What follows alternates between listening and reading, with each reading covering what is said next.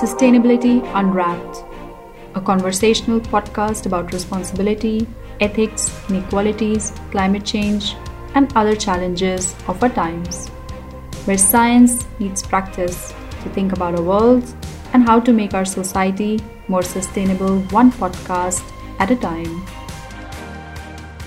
Hello, and welcome to this episode of Sustainability Unwrapped podcast by Hanken School of Economics.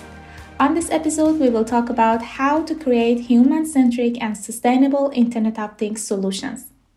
My name is Kimia Akai, and I will be hosting this episode from Helsinki. I am a first year doctoral student at marketing department, and I am joined today with Tommy Teiko from Oulu, who is an entrepreneur futurist in technology, digitization, and IoT solutions. Welcome, Tommy. Would you tell a bit about yourself?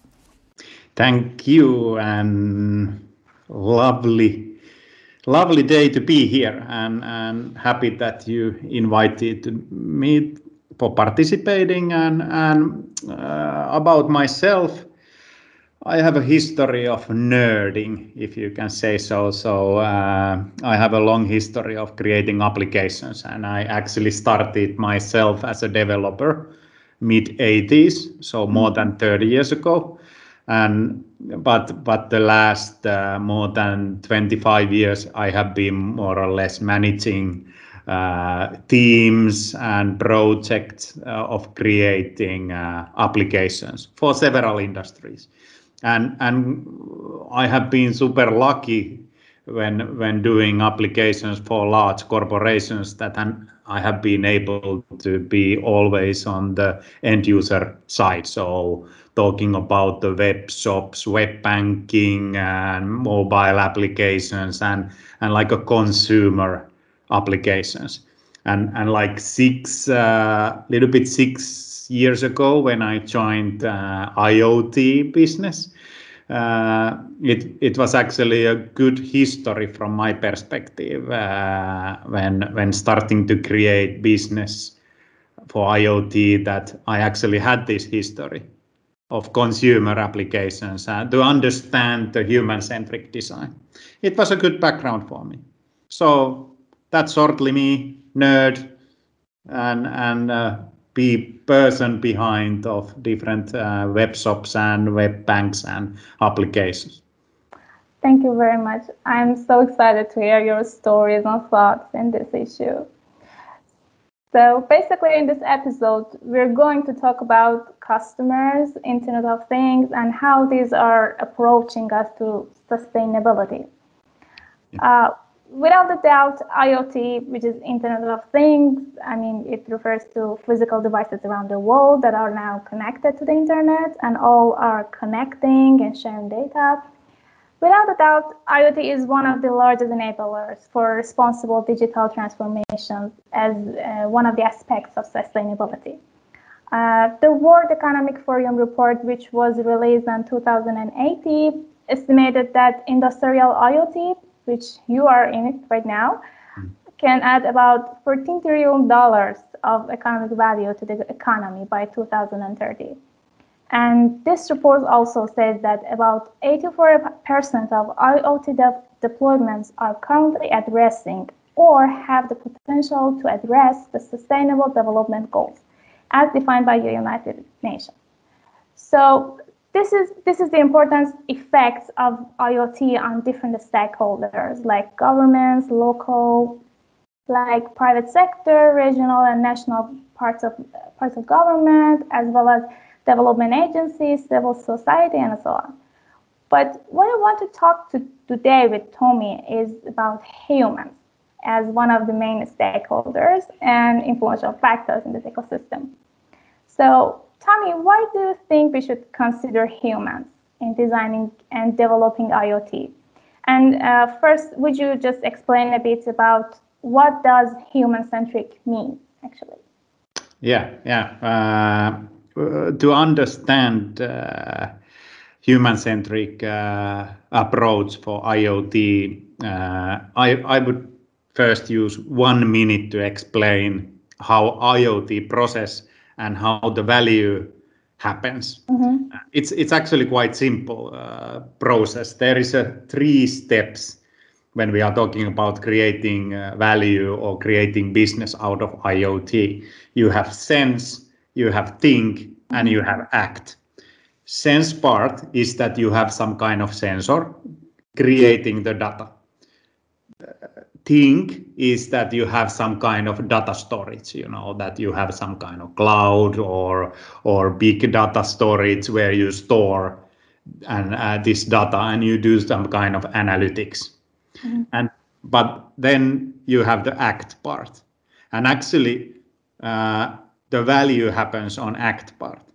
So now sense, think, act, and and you understand when when the value happens in the act part and actually the sense and think part they are always a cost and when we are talking about the business modeling of iot you, you should always start from the act mm-hmm. not from sense or think because they are always uh, like a cost part of this thing and and the problem in this whole IoT business is that it is super uh, sense and think driven. So it's like a it's like a cost driven in that sense. Mm-hmm. That sometimes I have actually seen startups, new companies popping up, creating sensors and gateways and platforms without any understanding what is the act? And and now to understand what act means let's let's have the very very stupid example. Let let's say that we want to use iot to make sure that coffee machine works. Mm-hmm. because coffee machine as well we know in learning and, and knowledge working environments it's a it's a source of productivity there. So, you need to have at least in nordic countries you know. Coffee must be there or otherwise i don't work okay? So let's let's have an example of iot that let's let's have a technical approach how coffee machine works. So and and how we could ensure that from the iot technology approach uh, you create a sensor which you attach to this coffee machine, which actually measures the data from the machine, how much you are using it, how how many lattes you take out, you know, from the device that you can start doing the act, the think part, which is the how many lattes you can do with the two liter milk uh, storage in on that coffee machine. So having this think part, understand that that when milk will run out when I order or fill 28 uh, lattes. and and but the act part is that someone actually needs to come uh, to fill that milk into the machine that the next person can have the latte again. That's the act part because without the act part that actually someone comes to the machine, uh, you the machine doesn't work anymore because you don't have any milk there. So the technology approach is that you put those sensors and and you store you store the data. You do the analytics that after five lattes I need to send a message, the act act part, as a text message to the nearest person who comes in and uh, puts in more more milk. Okay, so that is like a technology approach for the act and or the use case make the coffee machine work. All right. Let's take a human centric approach for this kind of problem solving. If, if our, our act is that we need to provide uh, coffee to people and someone needs to be there on the machine before the milk runs out.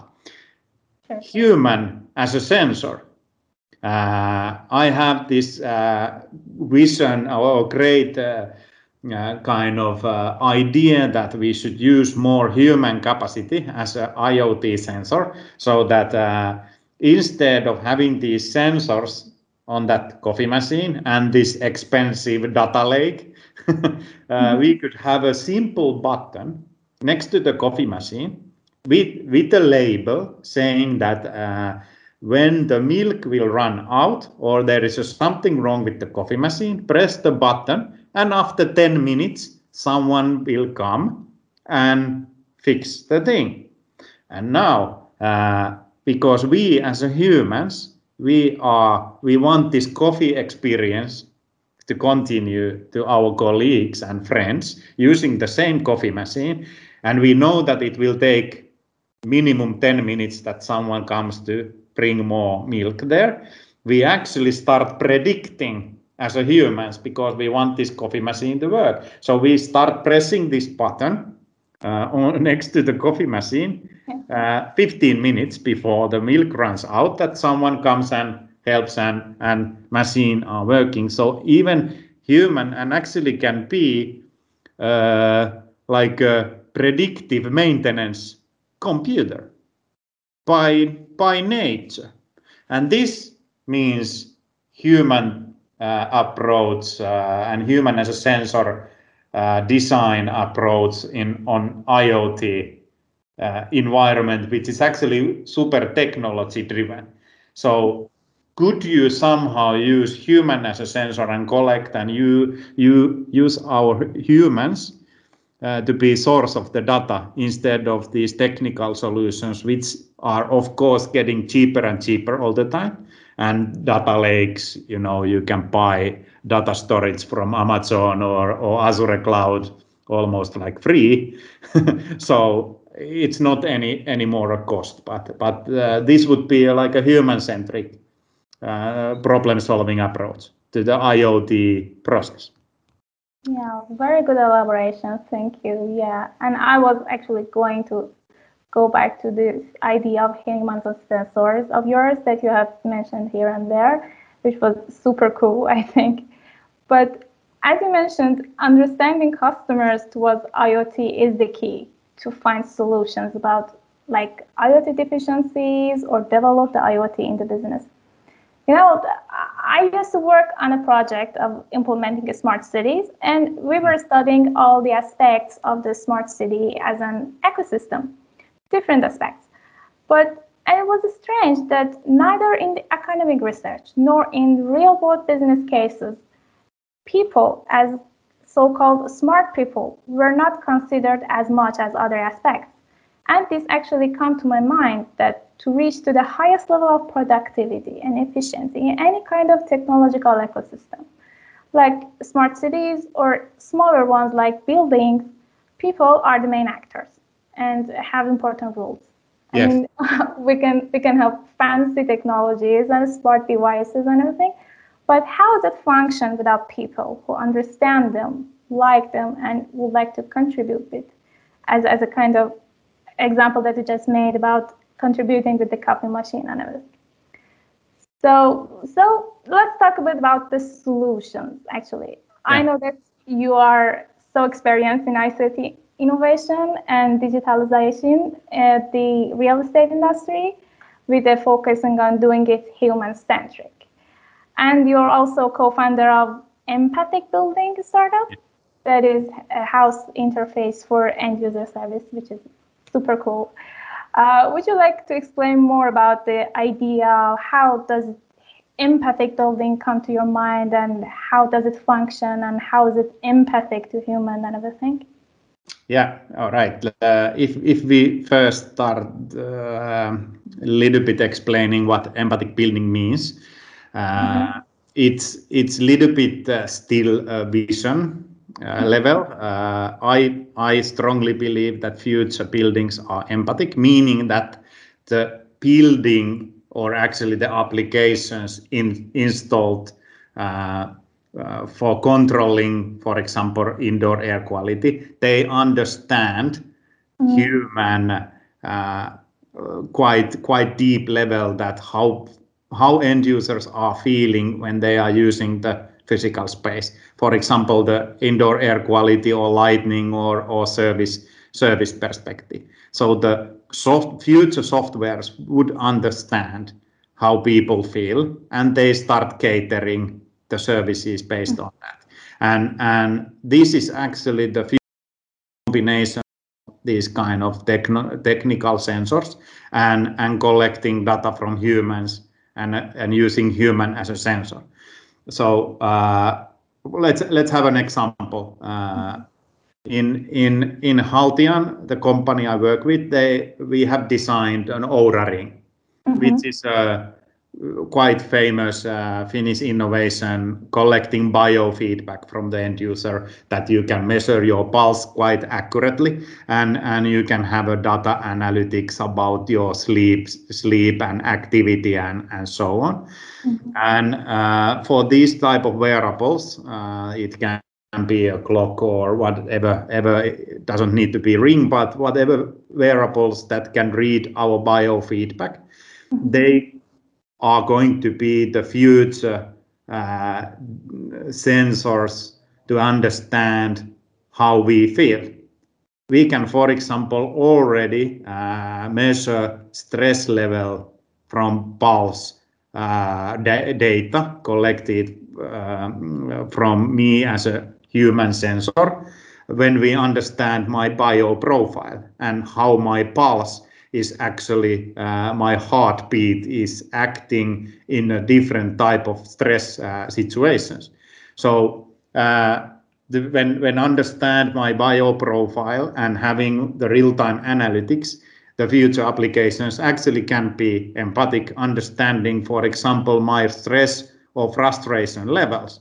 And I predict that the first applications that are going to use this human as a sensor and and and like empathic uh, uh, analytics will be in gaming industry. You know, changing the game uh, uh difficulty level based on my yeah. frustration as an end user or the or the player, so that they can adjust their uh, difficulty levels. But I predict that this goes to the operating systems when you use your phone, and and it will go to the so that the building automation is starting to cater the uh, exact uh, indoor air quality like temperature and humidity which my biofeedback wearable will detect that I need in that situation.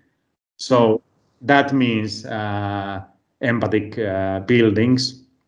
We are on a journey to there we are not yet there, but but that's the uh, future of of IoT, and and that's why I also like the uh, human sensor approach because the most valuable data comes from us, from the end users.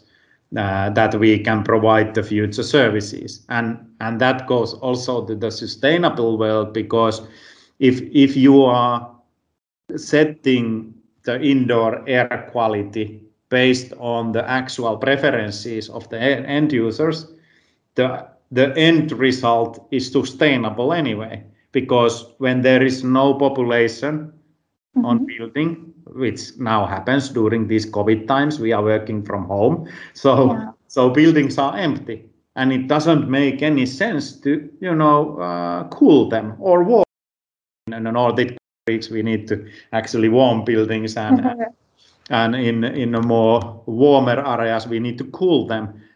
Both of those need energy. And and it doesn't make any sense to cool them or heat them if we are not present. And so the human centric uh, human centric design and using human as a sensor we could provide that uh, kind of services which which creates the best possible end user experience and uh, I, we can call it side effect is the sustainable because when we really understand uh, the real time utilization and the usage how many people are there personal about the indoor air quality needs uh, that's the future empathic and, and sustainable buildings. It, it's like a core, uh, core components of, of that. Sure. And uh, how does it actually function? Basically, uh, every like employee or customer has is is a kind of uh, sensor that exchange data to the building, or is it well, kind of can, yeah. From the from the technology perspective, you can do it uh, multiple ways. Uh, so you can have uh, sensors installed to the physical space, camera sensors, uh, movement sensors, uh, indoor positioning. Uh, there are several ways, or you can the end users can carry devices which which can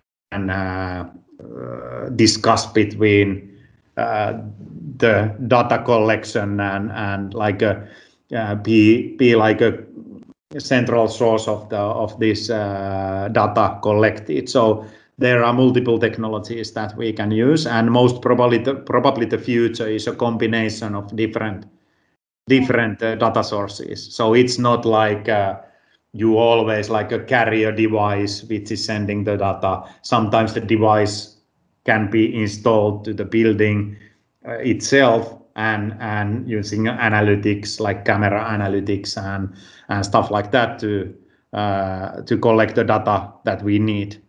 But but of course the future is that that everything will be measured and and recorded and and we will have more and more live data uh, that we can start uh, creating these kind of uh, future end user services. Yeah, interesting. Um, actually, what type of challenges have you faced so far in this concept? I mean, from the customer side or business side, for example, there might have been some privacy concerns yes. and trust concerns from uh, from the customers, or even managers that do not believe you or uh, do not actually trust Internet of Things per se. Uh, what was the main challenges that you have faced? Well, I, I think now we are living in the era uh, of uh, when when the like the data collected and and the data we have and applications are actually um, much much more smarter than uh, uh we as a humans are. Mm. I'm not saying that uh, applications are already like uh, intelligent but but for certain data collection and, and certain type of analytics uh, perspective, they can process already more faster and more more data than we as humans. And and now actually the you know the uh, responsibility of creating future applications uh, that that are we can call them sustainable or trustful or or you know uh, how you can how you can say that because we need to trust applications. And the situation is that that now we cannot. Uh, we have seen uh, that we all, we are already for example we are using the social media data uh, generated and created by us as a humans we are already misusing this data. And this misusage is, is done by, by, you know, we, we are solving, we are doing the act part. uh, yeah. So we are solving the use cases uh, which the or data original was not created for. And that will be the future anyway. You know, all these sensors, all these cameras, all these wearables to fulfill uh, the important use case for us. For example, better customer experience, better services. They are actually recording and storing data which can at the same time violate our privacy while they are fulfilling uh, the most important use cases for us. So the same data is super valuable, uh, but at the same time super dangerous at in in like a same actually the same data or the combination of for example location and human and feelings on and biofeedback. Combination of that can be useful and harmful same time. And and unfortunately we currently these mega corporations who are using this data they are not necessary uh, use that data well how you can say res, uh, how you say responsibility or, or i mean ethical way yeah. Mm-hmm. so and and now it is super important that dur- after now that we are not doing ethical applications we should, should now start doing them. Because the only way every for future everything will be recorded. Every second every time when i go where wherever wherever and even inside of my own home mm-hmm. there will be facebook and alexa and and apple tv yeah. and my phone and my wife phone and my kids phone yeah. everything will be recorded even in my private house so it is super important that we as an end user we understand that and and uh, I believe that the only way to fix that those mega corporations which are now brutally using our data uh, uh, that they should start uh, changing their way of using our data ethical way. So that uh, because the other way would be that we should start uh, protecting our data very deep level. And maybe maybe the future is combination of that so that uh, let's say that these kind of my data storages my data clouds they are popping up so that all data related to me is owned by me not the corporation x or or y or z but it's owned by me and i have a full control of that data that i have and when I give something out to the corporation X, for example, uh, my doctor or, or someone treating me, which is super valuable for me that they have my data because that they can do proper analytics. For example, using my biofeedback for one year would be very valuable data to my doctor, but and, and so on. So me as an end user, I could, you know, uh, fully control what I give out from, from my data, what period of time, and fully understand that the company or, or who is using this data, they treat it uh, only for the use case which is valuable for me and nothing else. What what a beautiful utopia that you just created. I hope that it, it will happen someday. Yeah, and, and, did you know that we actually, we as an end user, I, I call it uh, end user, uh, like a uh, end user democracy. Mm-hmm. We have a full power make uh, to make those decisions. We have been criticizing, for example, how Facebook is using our data and necessary respect our our privacy, mm-hmm. and, and they are using it to make money, which which is their core business. They want to target better ad, ads for us and, and they are selling our data. And that's their business model.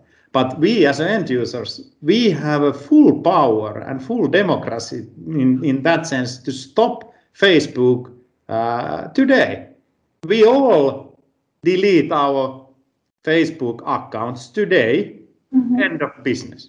So we still, as end users, we have full power of controlling who we and who we the data and what applications and services we are using. And I predict that that uh, when the understanding uh, of this uh, rises, so we as end users we understand how our data is used.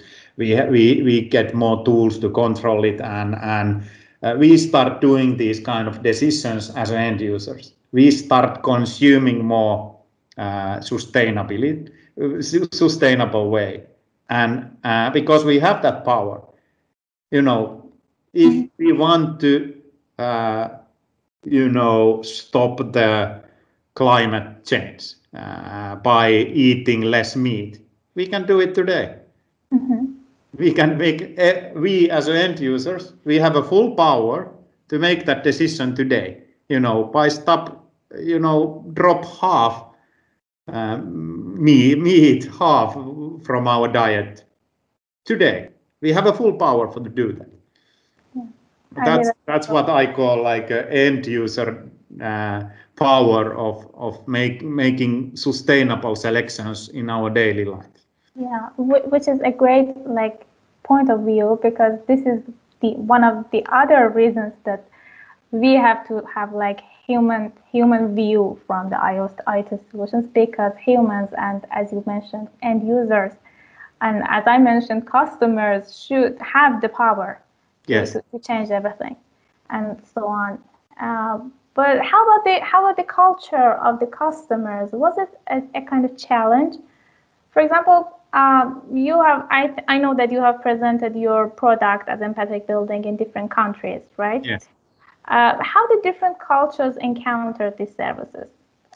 I mean, it's actually it's actually not the, not not so deeply affected by the uh, like a country level uh, culture. Mm-hmm. It's it's more the effect is more on on like a work cultural perspective. Mm-hmm. So uh, and I have seen we have now installations almost in soon we will have installation in 20 different countries mm-hmm. and and one one thing which is common which we can see from the empathic building data is that that how people and end users are using the solution and and uh, what and what they are using it for uh, the only difference between different countries and inside of the even even inside of the large corporation mm-hmm. is the actual work culture so people and end users who has more open like uh, uh,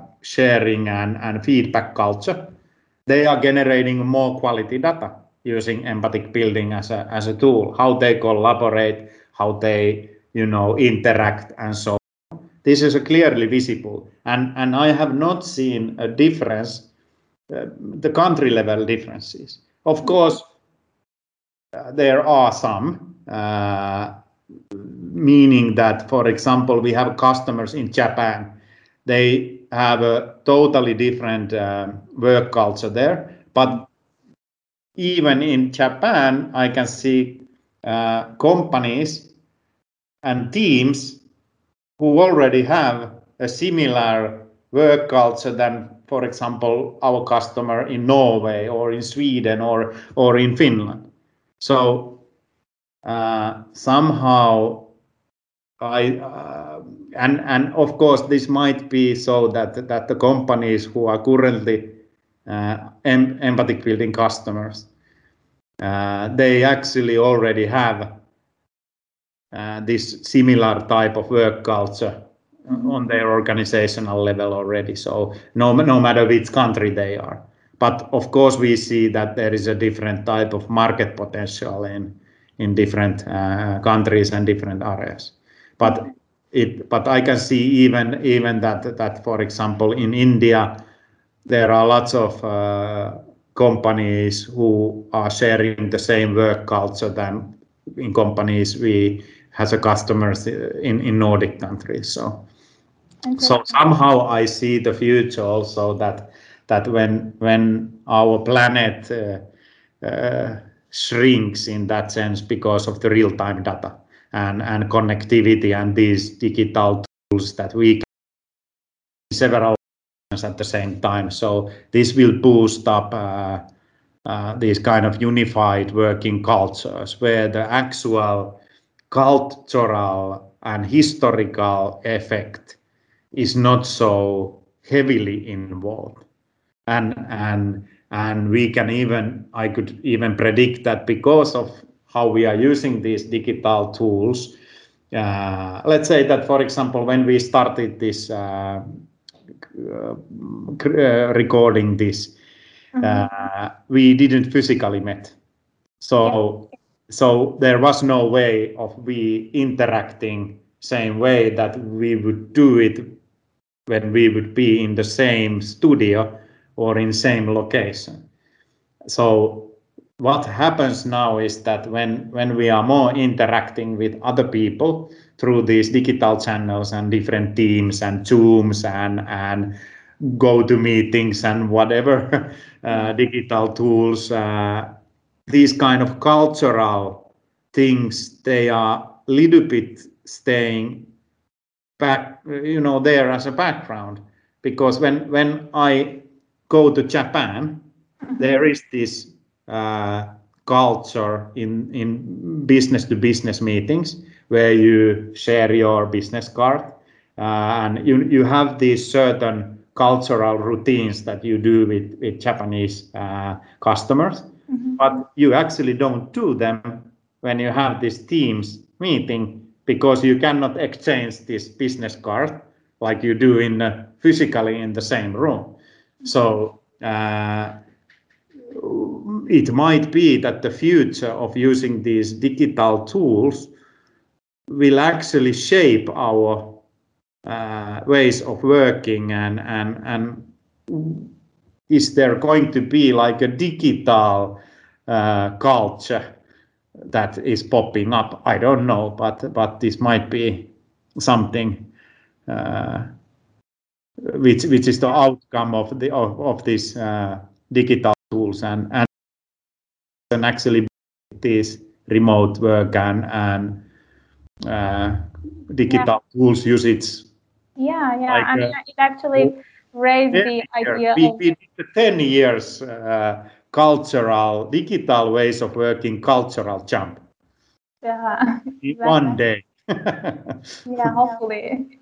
And yeah. actually rise the, the idea of a global village, something that uh, everything would be the same in the future. And, uh, you know, there was uh, Remco Dijkman has had an article about the different cultures uh, that IoT business models should be like uh, in different cultures should be implemented differently but there was another I don't believe yeah, that at all. yes i was going to that there was another article like five years later that actually uh, rejected this idea that and uh, just brought up the idea that you just said uh, that it will become a more common kind of spirit during using these kinds of digital and uh, iot solution devices yeah, I, yeah. I strongly believe that, and and that, that was a funny funny thing. Read read the uh, article today that that uh, usage of word lockdown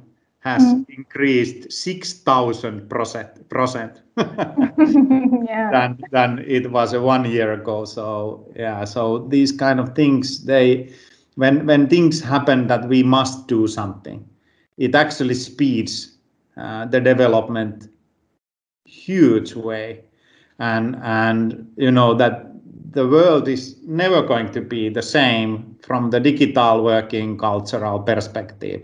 And i think that has a direct correlation to, to this uh, discussion we have about is there a different kind of cultural ways that you, we should design our IoT business and, and these future digital twins and augmented and virtual reality is what we are we are doing because the empathic building is actually a digital copy of the work environment where we where we make the invisible data visible.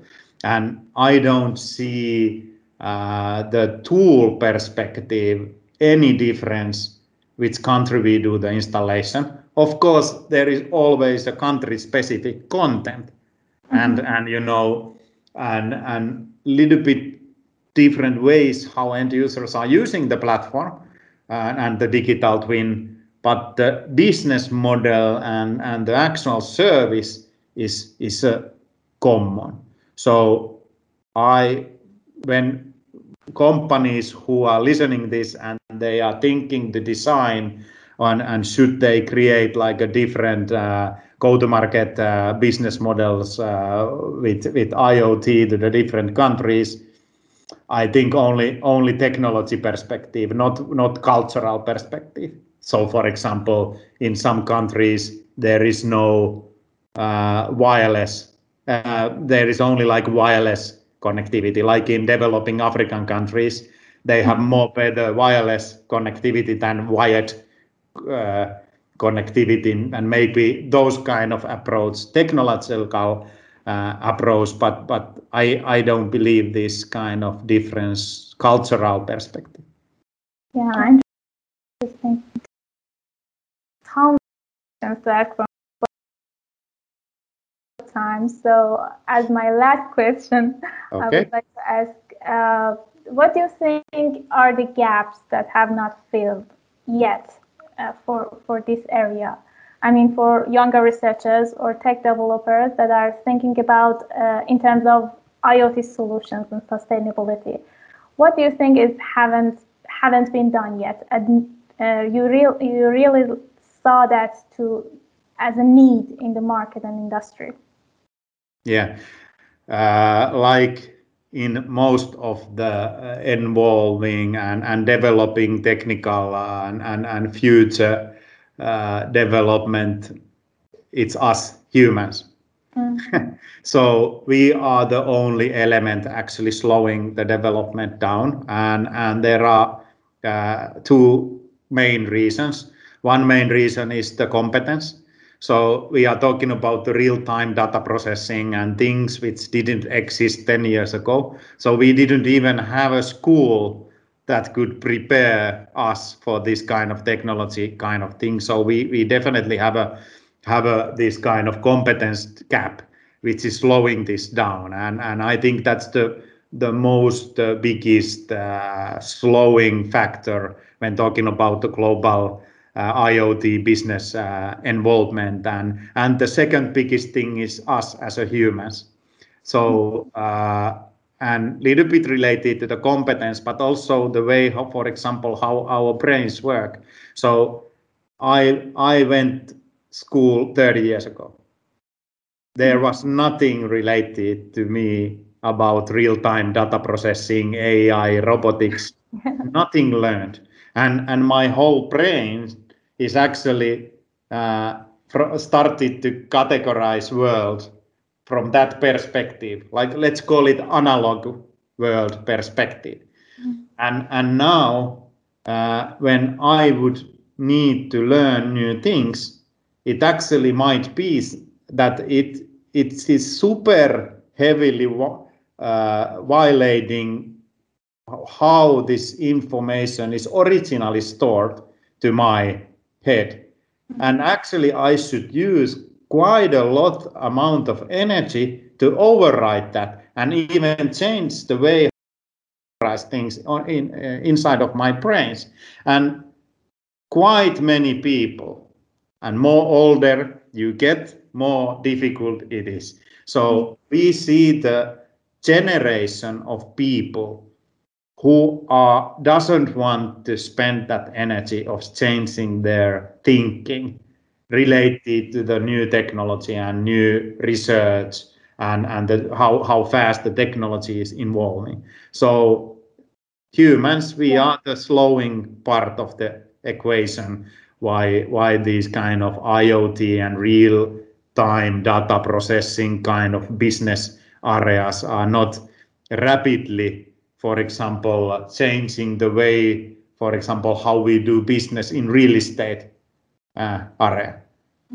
And and yeah, though I think the only only way to change that is that that either we wait until there is a new generation coming, or we constantly start uh, and actually patiently start uh, discussing and educating these existing decision makers yeah. in, a, in a very key positions that they start spending some energy to yeah. overriding things that they have learned 40 50 years ago. Because those are the persons now making our decisions of our future generations. And and they are goddamn slowing this thing down. Everyone you know uh, should spend some energy to think about that and and evaluate uh, your own own like and the new data which is there available every day. Yeah thank you. I think it's it's it was a good conclusion. So just just uh, focusing on the importance of studying human perspectives about these all these kinds of technology and innovations and everything. So, yeah, uh, I think that I think that we are now, and uh, I just hope that I we could have raised some question marks in the audience's head about this particular area to think about humans and IoT solutions, especially business schools and marketing researchers and everything. Uh, thank you very much, Tommy. It was thank such an you. interesting conversation. Thank you for joining us. Thanks.